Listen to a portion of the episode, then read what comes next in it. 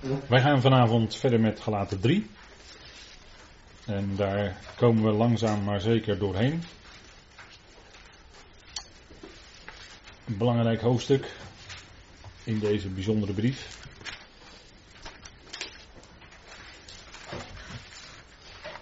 En het is goed om eh, met elkaar weer een stukje onderwijs te krijgen. En daarvoor gaan we gewoon maar luisteren, denk ik. Goed, we zullen eerst uh, met elkaar bidden. Trouw vader, wij danken u dat we ook vanavond hier weer bij elkaar mogen zijn. Dank u wel dat we weer verder komen in deze zo bijzondere brief van de apostel die u riep voor de natieën. Dank u wel dat we mogen luisteren naar deze leraar die u ons gegeven heeft. Dank u wel dat we, vader, onderwezen worden in de woorden van genade, in de woorden van het geloof en van de uitstekende leer. Dank u wel dat we die woorden tot ons mogen nemen. Die woorden in ons hart mogen overwegen en daar blij mee mogen zijn, Heer. Dank u wel dat u ons geroepen heeft en ons oor geopend heeft voor die genade. Dank u wel, Vader, dat u alles uitwerkt, dat u ten diepste alles bewerkt, overeenkomstig de raad van uw wil. Vader, en dank u wel dat we zo ook vanavond facetten mogen overdenken met elkaar van dat heerlijke evangelie. En Vader, geef ons daarin hernieuwd misschien vreugde en blijdschap over dat wat u zegt. Te midden van een wereld die naar het einde toe gaat, Vader, dat zien we aan alle kanten gebeuren en ook de ontwikkelingen wijzen daar al jaren op. Bedanken u dat we als lichaam van Christus gered zullen worden voor de toren, voor de verontwaardiging. Dank u wel, Vader, dat u ons roept vanavond. Geeft ons wijsheid en leiding door uw geest. Dat hebben we zo nodig, Heer, om iets van u te kunnen begrijpen, te kunnen verstaan wat het voor ons hart en leven te zeggen heeft. Dank u wel dat we mogen bidden dat het mag zijn tot opbouw van ons geloof, van de gemeente. En boven alles uit, Vader, mag het zijn tot lof en eer en verheerlijking van uw grote naam. Bedank u daarvoor. In die machtige naam van uw zoon. Amen. Goed, wij lezen met elkaar vanaf vers 23 eh, van uh, Galaten 3. Galaten 3, vers 23 en volgende versen. En ik denk dat het goed is om dan even het hoofdstuk uit te lezen. En er staat, en ik lees u voor in de concordante vertaling. Voordat echter het geloof kwam, werden wij onder de, onder de wet verzekerd bewaard tezamen ingesloten voor het geloof dat op hand is om onthuld te worden. Zodat de wet onze kindergeleider geworden is tot Christus, opdat wij uit het geloof gerechtvaardigd worden. Maar met het komen van het geloof zijn we niet langer onder een kindergeleider. Want jullie zijn allen zonen van God door het geloof in Christus Jezus. Want al wie in Christus gedoopt zijn, doen Christus aan. In wie nog Jood, nog Griek is, nog slaaf, nog vrije, nog mannelijk of vrouwelijk, want jullie zijn allen één in Christus Jezus. Indien jullie echter van Christus zijn, zijn jullie dus van Abrahams zaad, overeenkomstig de belofte lotgenieters. Tot zover.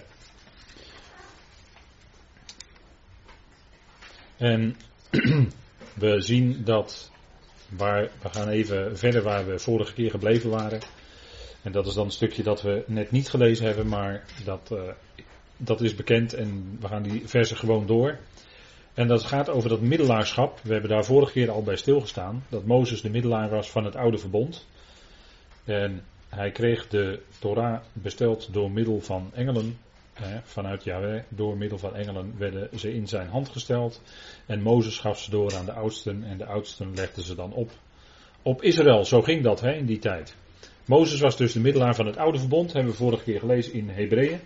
En we hebben ook daar gelezen dat de Heer Jezus Christus middelaar is van het nieuwe verbond. Hij is de hoge priester naar de ordening van Melchizedek. En hij is ook middelaar van het nieuwe verbond voor Israël. En Paulus zegt hier in Galaten 3 vers 20. De middelaar echter is niet slechts middelaar van één. God is één. Kijk, bij een middelaar heb je altijd twee partijen nodig, minimaal. Hè? Anders heb je geen middelaar nodig. En daarom was Mozes in feite gestationeerd tussen Yahweh en het volk. En is Christus, de mens Christus Jezus, is de middelaar tussen God en mensen. En hij brengt die hele mensheid tot God. Nou, bij Mozes en het volk ging het dus om velen. Hè? Mozes was middelaar tussen Yahweh en het volk, velen dus. Maar God is één, zegt Paulus. Wat betekent dat? God is niet veel, God is één. We hebben ook geen drie goden, maar er is maar één God. Dat is wat uh, de schrift van A tot Z verklaart. Er is maar één God. Eén God die alles uitwerkt. Eén God die een geweldig plan heeft. En die doordat hij zijn plan wilde uitwerken, zijn zoon geschapen heeft. Want zijn zoon kende ook een begin. Maar God zelf kent natuurlijk geen begin of einde, maar dat kunnen wij ons helemaal niet voorstellen, want we kunnen alleen maar denken in tijd. Maar God is de schepper van de tijd en hij rekent anders dan dat wij rekenen. En wij moeten leren rekenen zoals God rekent. Maar God is één en er is ook maar één God. Dat is het Hebreeuwse woord echad. En dat is uh, een heel mooi woord. Dat duidt namelijk op die eenheid. En daarom benadrukt Paulus ook in de Efeze 4 daar waar de gelovigen zo dicht bij God zijn gekomen, de eenheid van de geest. Het is de geest van God en God is één en er is maar één God en die werkt dus een eenheid uit. Dus allemaal één. En dat is wat we goed zouden beseffen. Dat lichaam van Christus is één. We zijn in die ene geest allemaal gedoopt naar binnen in dat ene lichaam. En dat wil dus zeggen dat er een eenheid is van de geest. Die eenheid kunnen wij niet bewerken, al worden daar soms uh, allerlei pogingen voor gedaan, maar dat is allemaal kunstmatig. Waarom is het kunstmatig? Omdat het proberen is een eenheid in het vlees te bewerken. En ik verzeker u dat dat onmogelijk is. Want het vlees is per definitie verdeeld. Maar we leven als gelovigen vanuit het diepe besef dat we één zijn gemaakt in de geest. We zijn één van geest. Dat is wat Paulus nadrukkelijk zegt voor onze wandel ook in Efeze 4. Hè? Er is maar één geest, één lichaam, één doop, één Heer, één God en Vader. Het is allemaal één. En dat is ook, God is één. Hè? Echad, daar klinkt het Hebreeuwse Echad in door. En dat zouden we nooit vergeten. Er is maar één God. Er zijn er niet twee of drie, er is maar één God. De Vader van onze Heer Jezus Christus. En dat is uh, onomstotelijk wat de schrift van A tot Z ons laat zien. Hè? En mensen die het anders leren, die leren ernaast. En wie met velen zijn, staat er dan bij, hebben een middelaar nodig. Dus dat volk was met velen, die hebben een middelaar nodig. Nou, God, Mozes, het volk Israël. En Christus Jezus, de mens Christus Jezus, is de middelaar tussen God en mensen. En als je dan lid bent geworden van het lichaam van Christus, als je lid bent geworden van die middelaar, zou ik dan bijna willen zeggen, dan heb je geen middelaar meer nodig. Want dan ben je één, één geworden in die geest van God, met God zelf. En dan heb je geen middelaar meer nodig. Waarom niet? Nou, gewoon omdat Paulus dat zegt. Paulus die zegt gewoon dat wij de vrije toegang hebben tot de Vader door zijn geloof. En zijn geloof is dan met een hoofdletter. We hebben de vrijmoedigheid door zijn geloof de vrije toegang tot de Vader in één geest. Dit zijn allemaal waarheden uit de Efezebrief. Dat dat is dus de waarheid over het lichaam van Christus. daar kan geen misverstand over bestaan.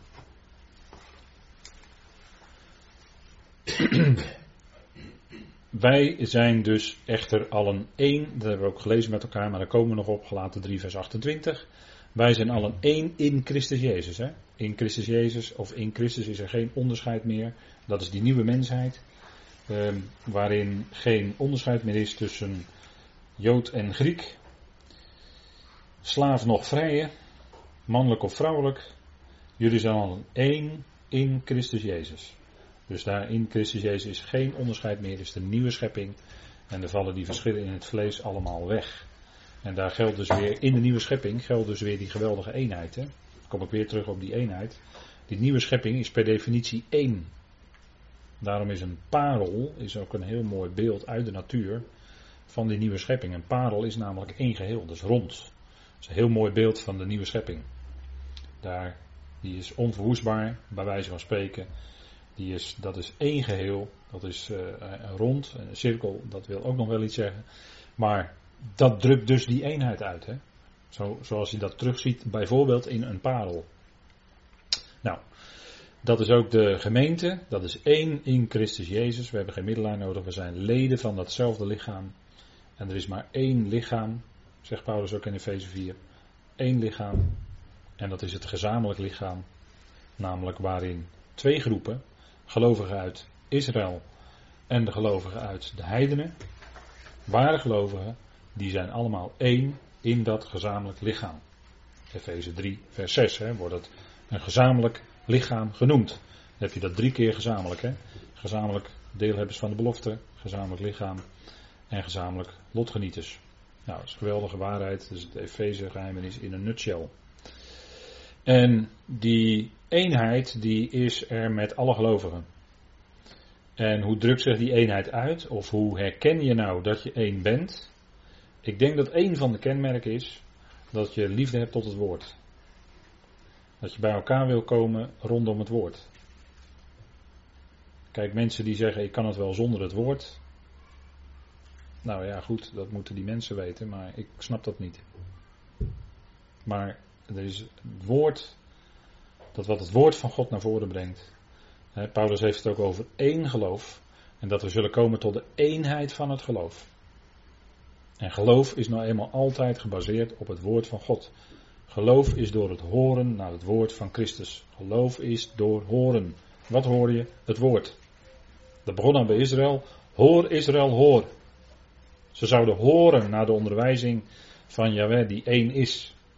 Hoor Israël. En dat doen wij ook. Horen naar het woord. Want horen wekt geloof.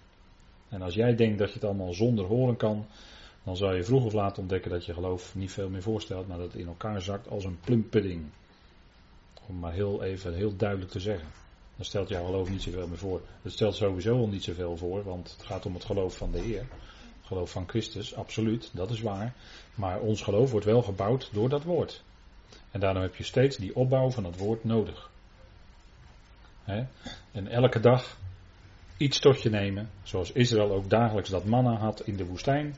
Zo hebben wij dat woord, dat manna, wat uit de hemel neerdaalt en wat wij gewoon elke dag tot ons kunnen nemen. Ik denk dat je als gelovige elke dag het woord gewoon nodig hebt, gewoon keihard nodig hebt. Voor je wandel, voor je leven, om op te kunnen leven, om te kunnen staan, te kunnen standhouden. Denk ik dat je dat gewoon nodig hebt. En dan draai je niet één op zeven. En niet zeggen na een preek op zondag van zo, nou kan ik er weer een week tegen. Ik weet niet wie dat zegt, maar ik kan het niet begrijpen. Ik kan dat niet begrijpen. Dat jij met 35 minuten luisteren een hele week toe kan. Ik kan me dat niet voorstellen.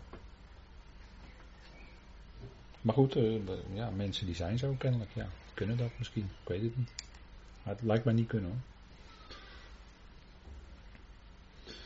En ja, beelden uit de natuur zijn altijd mooi. Hè? Er, is altijd, eh, er is heel veel water in de, deze schepping. En dat is ook een heel mooi beeld van het woord. wij hebben heel veel woord. En uh, daardoor leven wij. dat woord is ook water. En het zou levend water zijn. Het zou doorstromen door ons heen. En degene die gelooft, zoals de schrift zegt. Het zal in hem worden tot een fontein. Het water is de bedoeling dat het ook doorstroomt. Dat is uh, prachtig. Hè? Dat zijn prachtige beelden. Zo zal uh, in Israël ook de Dode Zee. Dit is niet de Dode Zee, maar in Israël heb je de Dode Zee. Hè?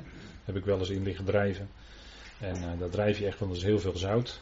Maar um, die dode zee die zal straks ook verdwijnen. Dat is overeenkomstig wat er dan gebeurt geestelijk.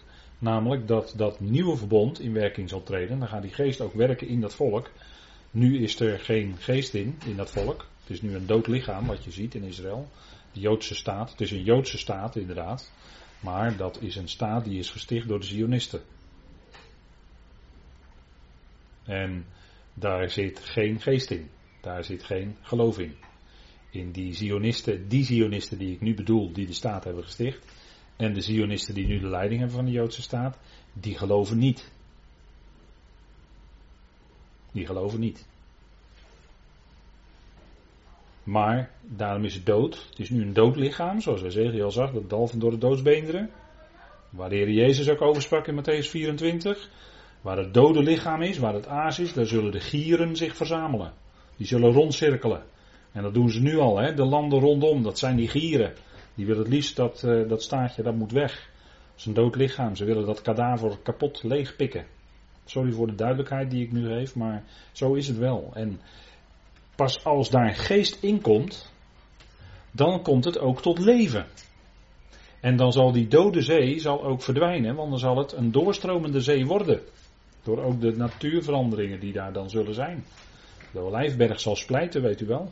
Er zal een grote aardbeving zijn.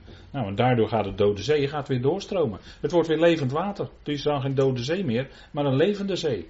Dat is een type van, het, van wat dan onder dat volk gebeurt. Namelijk dat het geen geestelijk doodvolk meer is, maar dat het tot leven is gewekt. Doordat hij zijn geest aan hen gegeven heeft. En die geest van de genade en de gebeden over hen uitgestort heeft. Naar Zacharia, weet u wel. Dat gaat allemaal gebeuren in de toekomst. Maar het is nu nog geen levende staat. Het is nu een staat daar in ongeloof. En als u daar komt, dan merkt u dat ook. Toen ik er kwam, merkte ik dat. Er is geen geest in, er is geen leven. Ja, er is traditie. Er wordt veel gebeden bij de klaagmuur, maar dat is allemaal traditie ook. Die gebeden zullen wel ernstig, ernstig goed gemeend zijn, daar gaat het niet over. Maar zij kennen Jezus niet als hun Messias. Dat niet. Die wijzen ze af, helaas. Maar daarom is nu dood. En straks als het leven wordt, dan gaat die dode zee ook weer leven. Dan wordt het stromend water, dan wordt het levend water. levend water is stromend water. Nou, dat, zo zal het ook zijn. En dan zal Israël ook stromend water ervaren van de geest. En dan zal die boodschap, die onderwijzing, zal door dat volk heen uitgaan naar de andere volkeren. Dat zal een geweldige tijd zijn. Dan zal de aarde vol worden van de kennis van Yahweh. Zoals de wateren de bodem van de zee bedekken. Zegt Habakkuk, hè. Nou, zo zal het ook zijn in die tijd.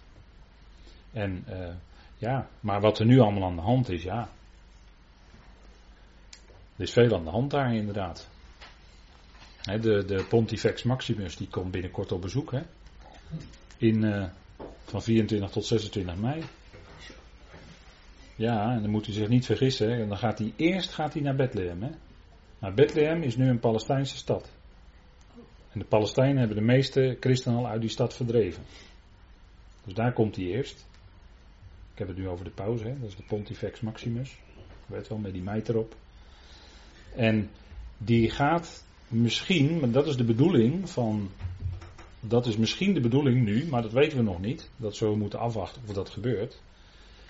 Maar er bestaat een goede kans dat de paus ingezet gaat worden om de drie godsdiensten tot één te verklaren, tot één wereldreligie. Namelijk de islam, het jodendom en het christendom. En daar zal de paus bij gelegenheid mogelijk een uitspraak over doen. Ik weet niet of dat nu is, het zou kunnen, maar het zou ook een later moment kunnen zijn. En dat, dat is wel het plan. Dat is het plan. En dat zal hij dan dus uitgerekend doen in Israël, het liefst natuurlijk in Jeruzalem. De stad waar ze natuurlijk alle drie aanspraken op maken. Maar u moet die religieuze macht moet u niet onderschatten, hè, die daarachter zit. Dat moet u niet onderschatten. Het is maar even dat u het weet. Hè. Van 24 tot 26 mei is hij daar. Dus houd dat in de gaten. Vooral de uitspraken die hij doet. Hè. Nogmaals, het kan best zijn dat het nu allemaal niet zo scherp ligt. Maar het zou ook ineens kunnen zijn dat hij een verklaring doet. En dat hij dat verklaart. Dat kan. Maar goed, we gaan even terug. Dit was even een uitstapje naar het Midden-Oosten. We gaan even terug naar uh, de gelatenbrief. Um, is dan de wet tegen de beloften van God? Want we hebben gezien in de afgelopen keren dat de belofte al eerder gegeven was aan Abraham. Hè? Is gebaseerd op geloof. Na 430 jaar kwam de wet. Maar de wet heeft de belofte niet krachteloos gemaakt. De wet heeft de belofte niet buiten werking gesteld. Hè? Die belofte liep gewoon door. Daar had de wet geen invloed op. En omdat het uit geloof is en door de belofte, maar toch is die wet erbij gekomen, dan stelt Paulus de vraag van een denkbeeldige vraagsteller, en misschien werd dat in die tijd ook wel aan hem gevraagd, is de wet dan tegen de beloften van God? En dan zegt hij, laat dat niet gebeuren. Het is niet zo, we kunnen echt niet stellen dat die wet dus als het ware als een, als een, tot rechtvaardiging, dat die wet als het ware in de plaats is gekomen van de belofte. Bij Abraham was het zo dat hij uit geloof gerechtvaardigd werd.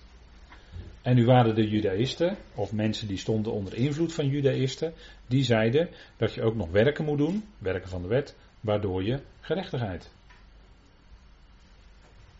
zou kunnen bewerken. Of een stukje extra gerechtigheid, of misschien met andere termen, heiliging, of meer gezegend zijn, of een leefregel hebben. En je kan er allerlei dingen op plakken natuurlijk. En zegt Paulus, ja, nee, wacht even, dat kan nooit in de plaats komen van de belofte en van de werking van geloof. Uh, is de wet dan tegen de belofte van God? Laat dat niet gebeuren. We hebben de vorige keer ook gezien, wat is dan de wet? Hè? We hebben de vorige keer gezien, allemaal uitspraken uit de brieven van Paulus, wat de bedoeling was van God met die wet. God had er wel een bedoeling mee. Namelijk om te laten zien dat het vlees, dat in het vlees, het goede absoluut geen woning maakt. Dat zegt hij ook in Romeinenbrief.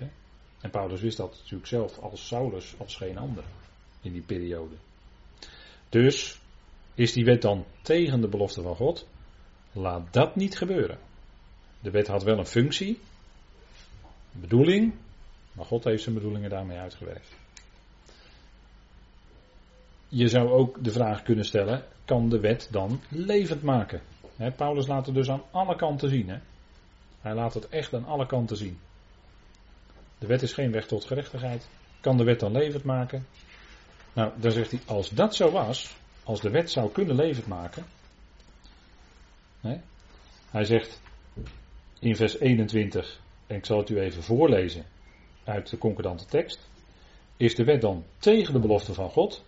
Laat dat niet gebeuren. Wordt meestal vertaald met volstrekt niet of dat zij verre. Want indien er een wet gegeven was die levend kon maken, zou ook werkelijk de gerechtigheid uit wet zijn. dus als er een wet zou zijn die leven kon wekken, echt leven kon wekken, levend kon maken, dan zou werkelijk inderdaad die gerechtigheid de wet zijn. Maar dat, en de wet zei ook, doe dat en je zult leven. Dat zei de wet. Dat heeft Paulus al eerder in het hoofdstuk naar voren gebracht. dat, dat het in dat ene wordt samengevat eigenlijk. doe dat en je zult leven. Vers 12. Gelaten 3, vers 12.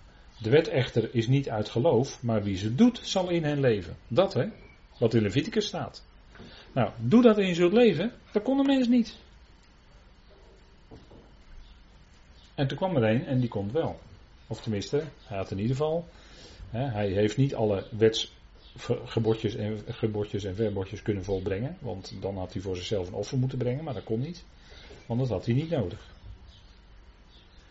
Maar doe dat en je zult leven. Dat kon een gewoon mens niet, maar de Heer wel.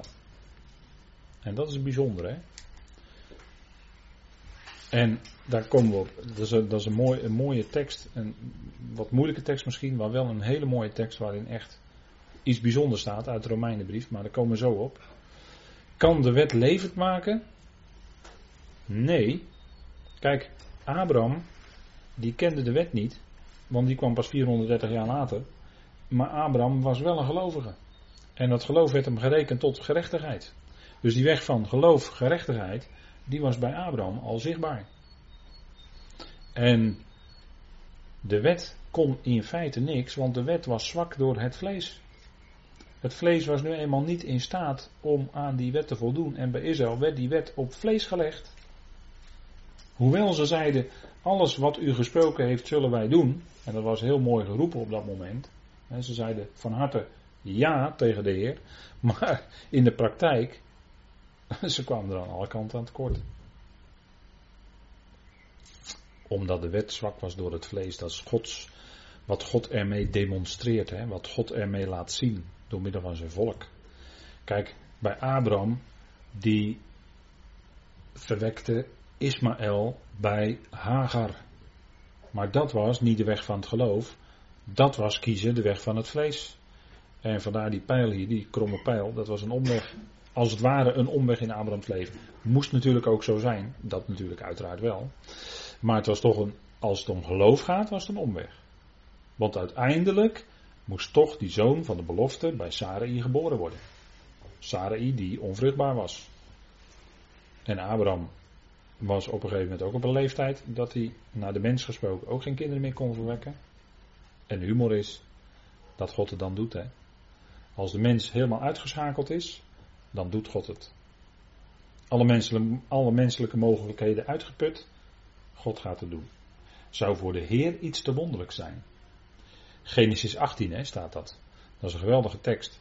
Want dat is bij Abraham en Sarah natuurlijk uit en te treuren uitgekomen. Zou voor de Heer iets te wonderlijk zijn. Als Abraham 99 jaar oud is, als Sarai 90 jaar oud is, om dan nog Isaac geboren te laten worden. Zou voor de Heer iets te wonderlijk zijn? Nee. nee. Als de menselijke mogelijkheden uitgeput zijn, gaat de Heer altijd iets wonderlijks doen. En dat is ook in je, in je persoonlijke leven. Is dat een, een, een, een fijne, fijn woord om je dat in herinnering te brengen. Als het misschien hopeloos lijkt, of je ziet helemaal geen uitweg meer in situaties, of degenen die je lief zijn zien geen uitweg meer, dan is er altijd de Heer die wel een uitweg weet, die wel een doorgang weet. En die wel weet waar het naartoe moet en die het wel uitwerkt ten goede. Het zou voor de Heer iets te wonderlijk zijn. En soms, hè, of de Heer geeft dan vaak iets heel wonderlijks, waarvan je dan kan afvragen, ja, zou voor de Heer nou iets te wonderlijk zijn? En dan ontdek je telkens weer, nee, voor de Heer is niets te wonderlijk. Hij doet boven bidden en boven denken. Hij werkt het uit. Hè? Nou, kijk, die wet, die was zwak door het vlees. Die kwam 430 jaar later. Die moest er zijn natuurlijk, want God wilde daarmee iets laten zien. Anders zou hij hem nooit gegeven hebben. En dat werkte hij uit bij zijn volk Israël. Kijk, en de tekst waar ik net even op doelde is Romeinen 8, vers 3. Want hier hebben we het weer over dat onmogelijke. En dan maakt God het toch mogelijk. Zou voor de Heer iets te wonderlijk zijn. Romeinen 8, vers 3. Dit wordt tegen ons als gelovigen gezegd. Wij die gelovigen zijn in Christus Jezus. Wij die ons bewust zijn dat er geen veroordeling is voor hen die in Christus Jezus zijn. Niet naar het vlees wandelen zijn, maar naar de geest. Je bent door de geest gewekt. Je bent in Christus Jezus. En omdat Christus Jezus nooit meer veroordeeld kan worden, dat is absoluut onmogelijk, kunnen wij dat dus ook niet, want wij zijn in Christus Jezus. In Hem zijn we nieuwe schepping. Dat nieuwe leven in ons. Die geest in ons. die, die nieuwe schepselen die wij zijn in Hem. Ja, dat kan nooit meer veroordeeld worden. Dat is absoluut onmogelijk. Waarom? Je bent voorbij het kruis. Je bent voorbij het kruis. En reken maar dat het kruis een enorme uitwerking heeft hoor. Het kruis gaat heel diep. En ik ben wel eens bang dat veel christenen en veel gelovigen niet beseffen de diepe rijkwijde en consequenties van het kruis. Want dat gaat heel ver.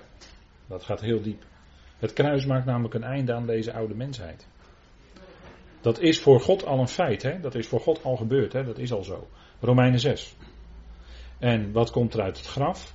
Die nieuwe mensheid in Christus Jezus. Dat is een nieuwe schepping, dat is een nieuwe mensheid. Dan ben je alle veroordeling voorbij. Vandaar dat Paulus dat ook zo vol vreugde zegt in Romeinen 8 vers 1. Hè? Dat er geen veroordeling is voor hen die in Christus Jezus zijn. Een geweldige, verlossende uitspraak. Dat is voor je wapenrusting. Tegen beschuldigende gedachten. Het zet je vrij. En het houdt je vrij in Christus Jezus. En we zijn geroepen voor vrijheid. Kijk, en wat heeft God nu gedaan? Dat zegt Paulus in Romeinen 8, vers 3. Want voor, wat, voor de wet, hè, wat voor de wet onmogelijk is of was, waarin het zwak was door het vlees, volbracht God. En dan komt de evangelie. Hè, door zijn eigen zoon te zenden, in de gelijkenis van het vlees van de zonde, en om de zonde, of je mag ook lezen betreffende de zonde, veroordeelt de zonde in het vlees. En zegt u, ja, wacht even, wacht even. Dit is een hele lange volzin. Daar moeten we eens even over nadenken. Dat moeten we ook, want dit is, niet, niet, dit is een hele volzin. Maar als je iets gaat verstaan van wat hier staat, dan is dat fantastisch hoor. Kijk, wat voor de wet onmogelijk is. En waarom was het nou onmogelijk? De wet, dat roepen een hoop mensen. Ja, nee, de wet is wel goed, want het, dampt de zonde in, hè? Zeggen, denken ze dan. Dat is, in, de, in de werkelijkheid is dat helemaal niet zo. Want je gaat dan de wet leggen op het vlees. En wat gaat het vlees dan doen? Het vlees is per definitie wetteloos. Die gaat zich er aan alle kanten tegen verzetten. En die gaat juist die dingen doen die de wet verbiedt. Zo werkt de wet, hè? En de wet op zichzelf is heilig en rechtvaardig en goed. Ja, ja. En de wet is geestelijk. Ja, ja, dat zegt Paulus allemaal in Romeinen 7. Dat is allemaal waar. Alleen waar die wet op vlees gelegd wordt, dan blijkt wat het vlees is, namelijk een wetteloze crimineel. Die niet te cureren is. Die niet te genezen is. Ook niet als je er een prachtige wet op legt. No way. En in de praktijk maakt het opleggen van die wet op het vlees het alleen maar erger. De zonde wordt namelijk een overtreding en een krenking. Het wordt alleen maar erger.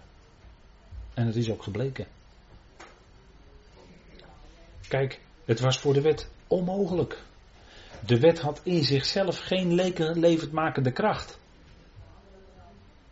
Maar die wet, die was namelijk zwak door het vlees, zegt Paulus. Het vlees was niet in staat om aan die hoge eisen van de wet te voldoen. En de mens, ook de gelovige mens, ook de christelijke mens, zou erkennen de zwakheid van het eigen vlees. En die zou dus dan maar niet gaan proberen zich aan die wet te houden. Want dat gaat hem niet worden, dat gaat niet lukken. Dat is een hopeloze missie. Want vlees kan het niet. Dus daar waar gelovigen of christenen of mensen proberen zich aan die wet te conformeren, van die wet te gaan houden, het, het, wordt, het wordt echt hopeloos. Dat gaat mis. Want de zwakheid ligt in jouw vlees. En ik kan het ook op een hele andere manier zeggen. Eigenlijk zeg je daarmee, eigenlijk zeg je daarmee, dat als jij het zelf gaat proberen, dat jij Christus niet nodig hebt. Want Christus is de kracht van God en de wijsheid van God. Dat zegt Paulus toch in 1 Korinthe 1. Christus is de kracht van God en de wijsheid van God. En daar ga je gewoon aan voorbij. Als jij denkt dat jij het zelf gaat opknappen onder die wet. Nou, ga het maar niet doen. Ik kan gelijk aan het begin wel zeggen, ga er maar niet aan beginnen. Want anders moet je misschien na jaren en jaren constateren dat het een hopeloze zaak is geweest. Goed, en dan weet ik wel, God heeft dat dan in jouw leven dat dan zo uitgewerkt, dat je dat dan op, op die manier moest gaan zien. Maar als je nu er nog voor staat en je zou eraan willen beginnen, zou ik zeggen, begin er maar niet aan. En erken gewoon dat jouw vlees zwak is. En wend je tot Christus, want Hij is jouw kracht. Want Hij is het evangelie. Als we het nou over een goed bericht hebben, dan hebben we het over de Heer zelf. Hè? Christus is het evangelie. Dat blijkt hier ook in dit vers. Hè? Volbracht God. Kijk, God die gaf aan. Maar nu zend ik mijn eigen zoon. Nu zend ik mijn eigen zoon. En herinnert u zich de gelijkenis, Matthäus 21, van die wijngaardeniers? Beeld van het volk Israël. Ze doden eerst de profeten. En toen kwam de eigen zoon. Of ze verjoegen de profeten. En toen kwam de eigen zoon. Dachten ha, dat is de erfgenaam, die gaan we ombrengen. Dat is typisch wat gebeurde met Israël en de Heer. Hè? Ze brachten de Heer om aan het kruis. Nou, God volbracht dat door zijn eigen zoon. Dus let u op dat hij al zijn eigen zoon wordt genoemd voordat hij mens werd. Even goed voor uw aandacht, hè? even goed onder aandacht houden. Te zenden in de gelijkenis van het vlees van de zonde. En ik zal u niet vermoeien met eindeloze theorieën over hoe dat dan precies geweest is bij de Heer. Maar wat hier staat is dat hij is gekomen in de gelijkenis van het vlees van de zonde. Want de vlees, het vlees van de mens heeft altijd een koppeling met de zonde. Hè? Bij de mens, bij ons mensen kun je spreken van het zondige vlees. Maar bij de Heer niet. Moet je even goed, goed voor ogen hebben. Hè? Bij de Heer kon je niet spreken van het zondige vlees, want hij heeft niet gezondigd. Maar hij kwam wel in de gelijkheid van het vlees van de zonde. Dus hij werd net zo'n mens van vlees en bloed zoals wij. Maar in die situatie heeft hij niet gezondigd. Maar wat gebeurde er wel? Nou, God liet daarmee zien. God demonstreerde ook hiermee iets. Hij liet zien dat hij daar wel degelijk kwam om de zonde. En in dat leven en ook in zijn sterven veroordeelt de zonde in het vlees. Want zijn wandel, die zondeloos was, hoewel hij in datzelfde vlees was, veroordeelde dus die zonde.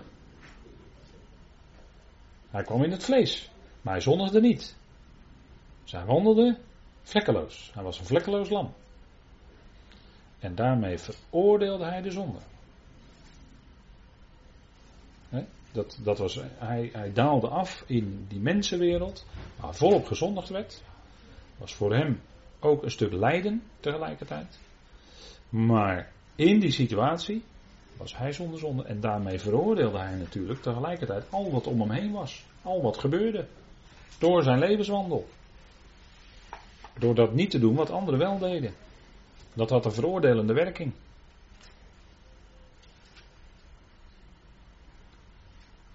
En dat was natuurlijk liefde, want hier zit natuurlijk zo ongelooflijk veel liefde achter. Dat God het zo deed. Hè? Door zijn eigen zoon, hè? want dan is het vader en zoon. Hè? Zoon impliceert vader. En dat is natuurlijk zo'n liefdeband, dat hij zijn eigen zoon, hè? let op wat hier staat, hè? zijn eigen zoon. En dan denk ik gelijk 32 versen verder, of 29 eh, versen verder, dat hij zelfs zijn eigen zoon niet ontzien heeft, niet gespaard heeft. Staat zelf, hè? Zijn eigen zoon. Dus daar zit zo'n onmetelijke liefde achter. Door dat zo te doen en zo op die wijze die redding van die hele mensheid te bewerkstelligen. Dat is ongelooflijk. Daar heeft vader iets mee laten zien van zijn ongelooflijk diepe liefde. Die ook in de zoon zelf zichtbaar was. door, door zo in die zondewereld af te dalen. En zo die, dat te laten zien. Dat, dat rechten, dat, dat, die, die liefde en die, die, hoe, hoe de Heer dan wandelde. En, en zeker nog veel dieper ging het aan het kruis. Toen hij tot zonde gemaakt werd. Toen notabene al die zonde van de wereld op hem gelegd werd. Toen hij daarmee vereenzelvigd werd. En toen werd hij, hè, toen werd hij als zondaar gerekend. Omdat al die zonde op hem gelegd werd. Hoewel hij zelf zonder zonde was. Maar hij wordt wel zo gerekend. En met hem ging dus dat allemaal mee in die dood, in dat graf. En werd het in feite voor Gods ogen al weggedaan. En dan zegt u ja, maar ik zie om mij heen. En uh, in mijn eigen leven, ja, ja, dan gaat het ook nog wel eens mis. Maar ik zie om mij heen uh, dat de zonde heel hard opstapelt in deze wereld. Ja, dat klopt. Dat is nog alom aanwezig. Dat komt omdat die oude mensheid nog volop aanwezig is. Maar dat neemt niet weg dat het voor God aan het kruis is weggedaan. En ik zei aan het begin dat God met de tijd anders rekent. Hè? God staat buiten de tijd. God heeft de tijd geschapen. Dus als God zegt dat daarmee die zon is weggedaan, dan is die ook weggedaan. Alleen het kan best zijn dat wij aan het eind van de eonen pas zullen zien dat die zonde echt wordt weggedaan, daadwerkelijk. Dat die dan verdwijnt. Klopt. Maar het was op het kruis al weggedaan. Dus het kruis was beslissend over hoe het aan het einde van de eonen zal zijn. Dat is de diepe doorwerking van het kruis. En zo zouden wij als gelovigen ook rekenen. Paulus zegt niet voor niks in 1 Korinthe 10 dat op ons de einden van de eonen gekomen zijn. Dat lijkt een hele raadselachtige uitspraak, maar ik probeer het nu even voor u wat duidelijker te maken. En dat wij dus rekenen vanuit die volleinding, vanuit die nieuwe mensheid die wij zijn, en die er dan zal zijn in volheid, als de tweede dood is opgeheven. Vanuit die voleinding mogen wij rekenen als gelovigen, want zo rekent God. Dus God ziet wat op Golgotha gebeurde, ziet hij de volleinding zag hij al vele, vele, vele, vele duizenden jaren later. En dat was voor God als het ware eenzelfde gebeuren. En voor ons als mensen zit daar heel veel tijd tussen. Maar voor God niet. Kijk, en dat is de diepe doorwerking van het kruis. En dat wordt maar door relatief niet zoveel gelovigen gezien. Want als je dat gaat zien, dat, dat is het eerste. Dat je dat moet gaan zien. Met geestelijke ogen. En dat het dan ook gaat doorwerken in je leven en in je praktijk. Begrijpt u? En dan ga je zien dat jouw eigen vlees tot niks in staat is, tot niks goeds in staat is voor God. En dan ga je er ook niet meer zo mee rekenen op die manier. Dat jij het nog allemaal wel even kan doen, dat jij het allemaal even voor elkaar kan boksen. Nee, dan ga je omhoog kijken naar God die het uitwerkt. En dat wordt door anderen misschien dan ervaren of gezien als slapheid. Maar je, je geeft het over aan God die het uitwerkt. En dat je dus totaal niet meer vertrouwt op jouw eigen vlees, zoals Paulus dat niet meer doet in Filippenzen 3. Dat is de diepe doorwerking van het kruis in ons persoonlijk leven. Maak dus een einde aan het vlees. Zo zouden wij onszelf zien als met hem gekruisigd. Einde van het vlees. Dus einde van jouw eigen willen en, en, en mogelijkheden en kunnen en noem maar op. Dus maakt het kruis een einde aan. En dan raakt het ons, het kruis. Dan raakt het ons. Maar je moet het eerst gaan zien. Maar er zijn, vrees ik, niet zo heel erg veel gelovigen die dat al zijn gaan zien. En nou weet ik wel dat is Gods zaak is met iedereen een proces, dat weet ik wel. Maar daarom zou dat wel prediken. Dat moet gepredikt worden. Kijk, en het kruis, de uitwerking van het kruis, komt in zijn volle diepte en rijkwijde pas in de volkomenheidsbrieven van Paulus naar voren. Eerder niet. dus ik hoop dat u dat goed beseft. Want dit is, dit is een hele verregaande boodschap. En het is ook, als je het gaat zien, is het ook een geweldige bevrijdende boodschap en brengt het je vreugde. Want je leert af te zien van jezelf. En je leert te zien naar Hem die het allemaal volbracht heeft. Nou, dat is, daarom staat in dit vers staat gewoon evangelie hoor. Volop evangelie. Dit is goed nieuws hoor. Het einde van het vlees van de mens, ik vind het goed nieuws. Daar, en daar komt de kracht van Christus naar voren. Nou, dat is goed nieuws, want het evangelie is een kracht van God tot redding. Het evangelie is een kracht van God tot redding. Het is niet zo dat wij als spierballen, of wat wij doen, dat dat onze redding is. Wel nee. In het evangelie komt die kracht van God naar voren. Het gaat om Gods kracht. Het gaat om wat God doet. En het gaat niet om wat wij als, als inspanningen daar, daarbij kunnen brengen. Want dat doet af aan de, aan de heerlijkheid van God. Nou, dat is, dat is, hè, dat is het kruis. En dat gaat dus heel ver. En, en wat een enorme liefde heeft God dan gehad door zijn eigen zoon te zenden in de gelijkenis van het vlees van de zonde en daarmee werd de zonde veroordeeld in het vlees. Dat is heel bijzonder hè, wat Paulus dan hier schrijft. Dit kan hij alleen maar door God geïnspireerd schrijven natuurlijk. Hè. Zo geestelijk, diep geestelijk niveau. Hè, hoog geestelijk niveau. En de doorwerking zoals God het uitwerkt. Nou, en dat is, dat is in feite wat in die Galatenbrief natuurlijk volop aan de hand is. Hè. Want er zijn hele karakteristieke teksten waarin het kruis naar voren komt. We hebben het al gelezen in Galaten 2 vers 20. Waar Paulus zegt, met Christus ben ik gekruisigd. Dat is essentieel in de Galatenbrief. Die boodschap. Met Christus ben ik gekruisigd. En dat is dus niet meer mijn ik. Want dat verdwijnt dan dus. Hè? Niet meer mijn ik. En mensen willen nog graag nog, ook gelovige mensen willen nog zo graag hun eigen ik laten gelden. Zo graag nog. Paulus zegt, met Christus ben ik gekruisigd en dan is het niet meer ik. En dat is evangelie, want dan komt het evangelie, maar Christus leeft in mij. Kijk, dat is het. Christus leeft in mij. Dan is het zijn kracht die het in ons doet. En daar gaat het om. Het gaat om zijn kracht. En dan is het ook tot eer van hem. Als we de dingen doen in zijn kracht. Nou, dat is, uh, ja, dat is volop evangelie. Goed nieuws. Kijk, die levendmakende kracht van Gods geest, hè, die werkt dan in ons. Hè, dat is uh, Romeinen 8 ook. Hè. En dan wordt er vrucht, hè, dan komt de vrucht. Hè. U ziet hier de vrucht van de wijnstok. Hè. Druiven, die kunnen we straks weer plukken uit de achtertuin. Hè. Mooie trossen druiven. Nou, dat is de vrucht van de wijnstok. Dat is een prachtig beeld van het werk van de geest, hè, vind ik altijd. Als je daar dan naar kijkt en je denkt aan die dingen, dan, uh, dan geniet je van zulke mooie beelden uit de natuur. Hè. De vrucht van de geest. Ja, als dat zichtbaar wordt bij gelovigen, oh, dan is het geweldig hoor. de vrucht van de geest, die zich uit in, nou, geloof, geloof, trouw, dat is een stukje vrucht van de geest. Hè? Geloof wordt door Paulus genoemd. Geloof, daar zijn we nu volop mee bezig in uh, Galaten 3. Leven door geloof. Heel veel mensen die, die zeggen van ja, nee, nee, maar uh, we moeten ook wat doen, we moeten ook werken enzovoort. Paulus zegt nee, we wandelen door geloof wandelen door geloof. En, en als je dat echt gaat doen, wandelen door geloof, dan, uh, dan uh, zeg je na jaren van nou, ik zou, ik zou niet, niks liever meer willen dan dat. alleen maar wandelen door geloof. En, en dan ben je helemaal niet meer bezig met de wet te proberen te houden. Daar, daar ben je dan echt aan voorbij hoor. Sorry dat ik het zo zeg, maar daar ben je dan echt aan voorbij. En dat zullen we ook zien, wat Paulus dan in het vervolg van dit stukje zegt. Hè? Maar niet om de wet te houden, nee, door geloof.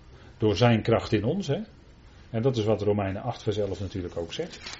En misschien wel heel even goed om dat erbij te pakken, want we zitten toch vanavond in Romeinen 8. En ja, als je eenmaal met Romeinen 8 bezig bent, dan blijf je, er, blijf je erin bezig. Want er staan zoveel geweldige dingen in.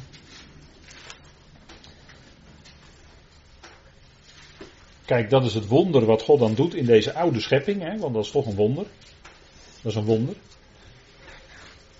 Als je dat gaat, zo gaat zien, is dat echt een wonder hoor. Dan staat in 8 vers 11, Romeinen 8 vers 11, en als de geest van hem, die Jezus uit de doden opgewekt heeft, in jullie woont, dan zal hij die Christus uit de doden opgewekt heeft, ook jullie stervende, er staat in uw vertaling sterfelijke, maar het is eigenlijk stervende, allebei is waar hoor, maar er staat hier gewoon stervende lichamen, levend maken door zijn geest die in jullie woont. Kijk, en dit is de kracht.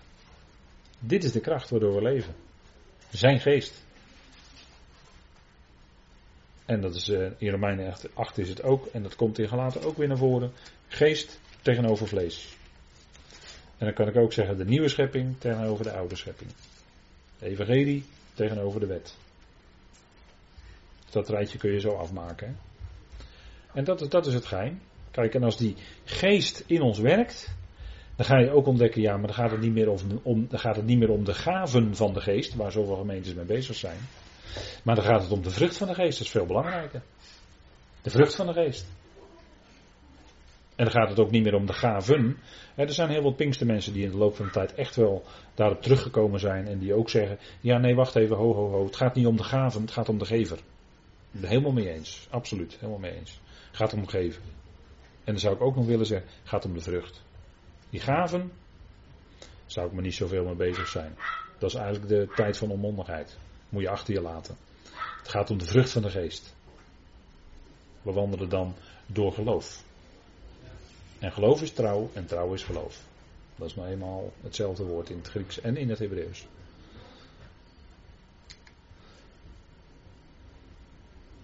Vers 22. We gaan door met de gelaten brief. Gelaten 3, vers 22. Waar staat?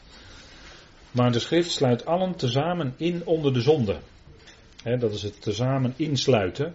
Je zou dat kunnen voorstellen als een soort gevangenis. Vandaar dat plaatje erbij met die handen aan die tralies. Maar allemaal onder die zonde. De schrift sluit allen tezamen in onder de zonde. En wat bedoelt Paulus hier nu mee te zeggen?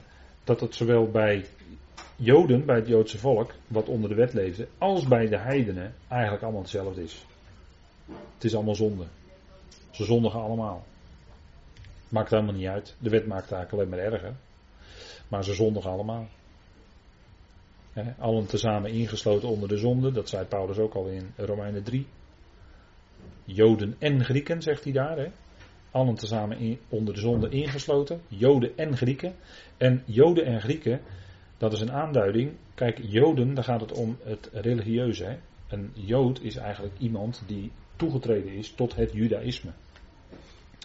Daar is ongelooflijk veel spraakverwarring over. Want als u wereldwijd rond zou vragen wie is een Jood, dan krijgt u een heleboel antwoorden. Ja, nee, dat, zo is dat. Maar Joden, als het in de schrift gebruikt wordt, met name bij Paulus en in Johannes Evangelie bijvoorbeeld, dan heeft het te maken met mensen die onder het Judaïsme staan. Kijk, als je teruggaat in de tijd, dan is het strikt genomen iemand uit de stam Juda, een Jood. Maar later, toen zij het Judaïsme ontwikkelden in Babylon, vandaar een Babylonische Talmud. Sinds die tijd hè, wordt het vaak gezegd dat zijn allemaal Joden, want staan onder het Judaïsme. Maar tegenwoordig wordt worden begrip Joden wordt voor heel Israël gebruikt. En dan denk ik van, ja, dat is een beetje lastig. Dat is een beetje lastig. Hè? Maar het heeft vooral die religieuze achtergrond. Namelijk diegenen die onder dat judaïsme staan. En met Grieken, hè, dat waren de gecultiveerde mensen, hè, Grieken, Ja, maar die, hadden, die leefden ook in die godenwereld. Die leefden onder die godenwereld. Hè? Van Zeus en, eh, en Hermes en uh, noem maar op. De berg Olympia Zeus. Hè? Olympische Spelen ter ere van Zeus. Hè? Moet nooit vergeten hoor. Olympische Spelen oorspronkelijk ter ere van Zeus. Hè? De oppergod, dat is eigenlijk de duivel. Ja, ik zeg het even kort door de bocht, dan hoef ik er niet zo lang over te doen. Anders moet ik een heleboel tussenschakels inbouwen voordat ik er ben. Maar ik zeg gewoon maar rechtuit. Zeus is gewoon de duivel. En die werd vereerd als de oppergod. En die heette bij de Romeinen geloof ik Jupiter. Maar dat is gewoon dezelfde, want die namen het hele pantheon gewoon over van de Grieken. Alleen gaven ze het Latijnse namen. Maar Zeus is gewoon de duivel en de Olympische Spelen waren eigenlijk gewoon ter ere van de duivel. En ik heb al eerder gezegd, dat was waarschijnlijk op een andere avond, maar dat de Olympische Spelen, als die worden geopend, dan wordt er een heel ritueel opgevoerd. Hè? Ja, mensen die daarvan weet hebben, die, dat is huiveringwekkend hoor. Wordt gewoon een ritueel opgevoerd. vandaar ook dat er zoveel geld opgezet wordt. Als je daar goed over gaat nadenken, dan leven we natuurlijk in een waanzinnige wereld. Dat we met voetbal en de Olympische Spelen heel veel geld instoppen. En we laten een heleboel mensen laten we creperen overal ter wereld. De rest, hè? die kunnen gewoon verhongeren. Hè, Brazilië is nu veel kritiek op, omdat de straatkinderen, die, worden allemaal, die moeten allemaal weg. Hè? Naar plaatsen waar ze vrijwel zeker uh, het nog slechter hebben dan dat ze, na enzovoort enzovoort. Hè? Die tegenstelling, terecht wordt daar aandacht voor gevraagd. Omdat het eigenlijk schandalig is. Maar goed, Grieken, daar kwam ik vandaan, hadden Olympische Spelen. Ze dachten dat die berg, dat de, de ze noemden hun goden ook demonen, de Grieken.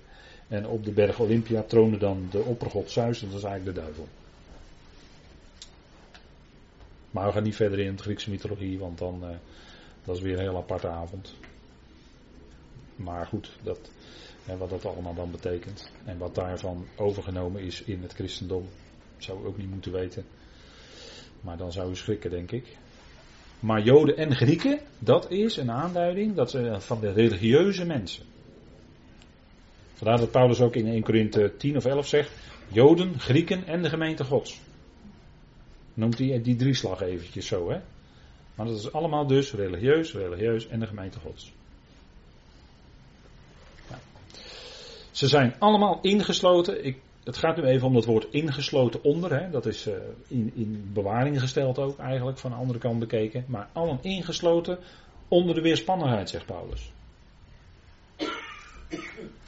Allen. Dus al die volkeren, waar het dan in Romeinen 11 over gaat. Hè. Over Israël en de andere volkeren. Allen ingesloten onder de weerspannigheid. Wie heeft dat gedaan? God. Ten diepste. En dat had natuurlijk een bedoeling want dat is, dit is de eerste helft van het vers. De tweede helft komt nog natuurlijk. Maar Paulus zegt dat de schrift allen tezamen insluit onder de zonde. En dan zegt hij, kijk maar in Psalm 10. Kijk maar in Psalm 51. Kijk maar in Prediker. Kijk maar in. En hoeveel teksten wil u nog meer hebben? Want Paulus geeft een hele opsomming in Romeinen 3. Hè? Dus allemaal achter elkaar de schrift. Dat allen onder de zonde zijn, dat er niemand rechtvaardig is. Ieder zijn eigen weg gaat, dat ieder afwijkt, enzovoort, enzovoort. Of die nou onder de wet leeft of niet, het maakt allemaal helemaal niks uit. Iedereen is onder die zonde. En dat was Gods bedoeling. Ja, dat was Gods bedoeling. Want het lam was al tevoren gekend. Voor de nederwerping van de wereld. Het vlekkeloze lam van God. Voor de nederwerping van de wereld, tevoren gekend. Dus dat was voordat de zonde zijn intrede deed. Had God het lam al klaar liggen, om het zo maar te zeggen. Opdat hij later op Golgotha het lam zou zijn wat de zonde van de wereld wegneemt. Alsjeblieft. Kijk, dat zijn de diepere wegen van God. En dat mogen wij weten. En daar zou u geweldig dankbaar mee moeten zijn. Dat zou nooit voor u een afgesleten munt moeten zijn. Daar zou u geweldig dankbaar mee moeten zijn. Dat we dat, dat zo mogen zien. Dat is genade. Want vele, vele gelovigen en christenen zien dat niet zo. Helaas, helaas. Dat zeg ik niet omdat wij dan beter weten, wel nee. Het is bijzondere genade dat we dit mogen zien. Dat God ons dat heeft gegeven, dat we dat zo zijn gaan ontdekken. Dat is genade. We hebben niks om, om, om ons op te beroemen, helemaal niks. Maar we roemen alleen in Hem en in de genade. Nou. En wat is dat tweede vers dan?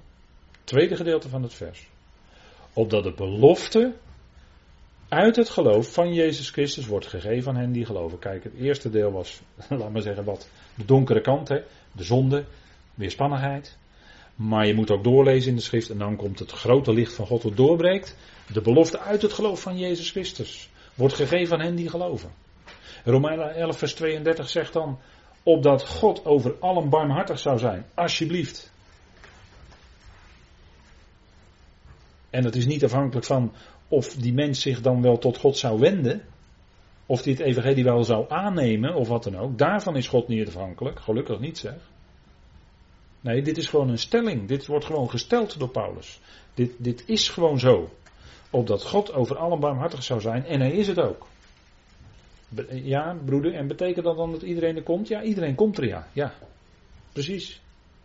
Door gericht heen. Door de tweede dood heen.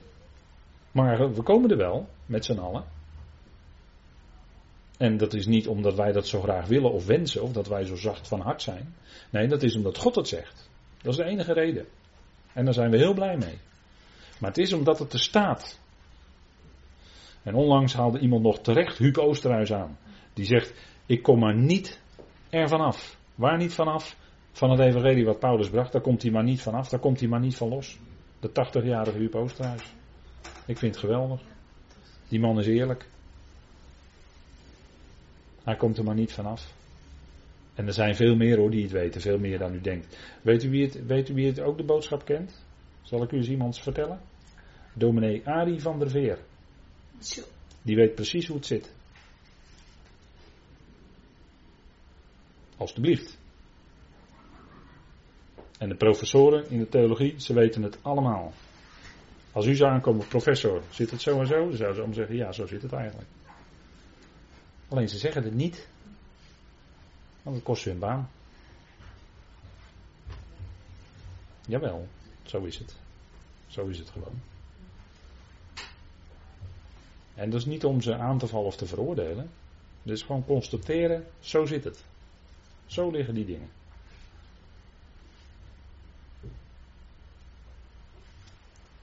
En opdat de belofte uit het geloof van Jezus Christus, ook zo'n ondergesneeuwde waarheid, hè, die in de vertalingen aan alle kanten zo snel mogelijk weer is wegvertaald, naar de Statenvertaling.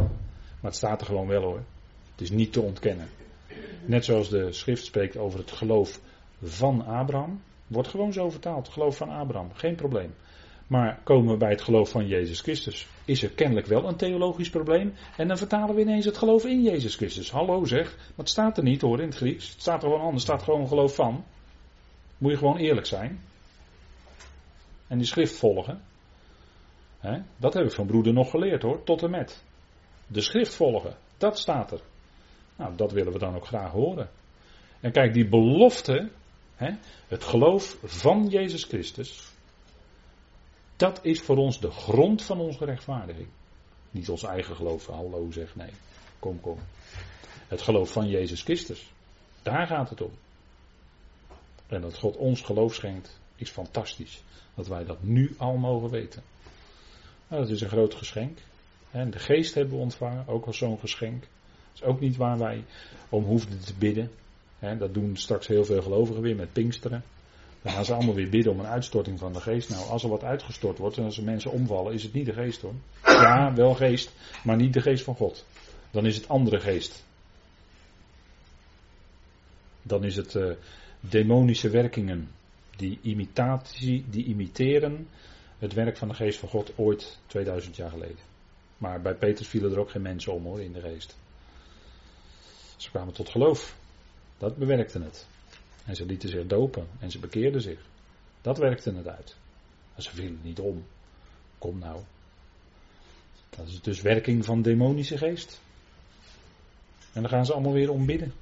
Op Pinksterconferenties. He, dat dan de geest komt en dat ze dan in tongen kunnen spreken. Maar die geest die dan komt, die, dat is niet de geest van God hoor. Dat is niet de geest van God. Wat zich manifesteert is dan heel iets anders. En dat vind ik zo verdrietig, daarom zeg ik het. Ik vind het zo verdrietig dat daardoor zoveel gelovigen op verkeerde been worden gezet. Maar kijk, de belofte was dat die geest zou komen. Dat hebben we ook gezien hè, in verleden studies. En die geest is gekomen en die werkt nu in onze tijd op een hele bijzondere wijze. Wij worden namelijk verzegeld met de geest van de belofte, de heilige, die een waarborg is van onze lotgenieting. Staat in Efeze 1, vers 13. Die geest, daar zijn we mee verzegeld. En die geeft ons ook geloof. Dat is een, een schenk van God. Opdat de belofte, het gaat om de belofte dus hier, hè, uit het geloof van Jezus Christus wordt gegeven aan hen die geloven. Dat zijn wij. Geloven is trouw en trouw is geloof. Geloof is vrucht van de geest. Wij wandelen in geloof. Niet in aanschouwen, niet in wat we waarnemen. We kijken niet naar allerlei manifestaties. We hebben geen zichtbare tekenen. We hebben niks zichtbaars waar we, waar we op kunnen stoelen. Alleen de schrift. Wij wandelen in geloof. Dat is onze leidraad. Geloof in wat er staat geschreven. Geloof in die ene Heer.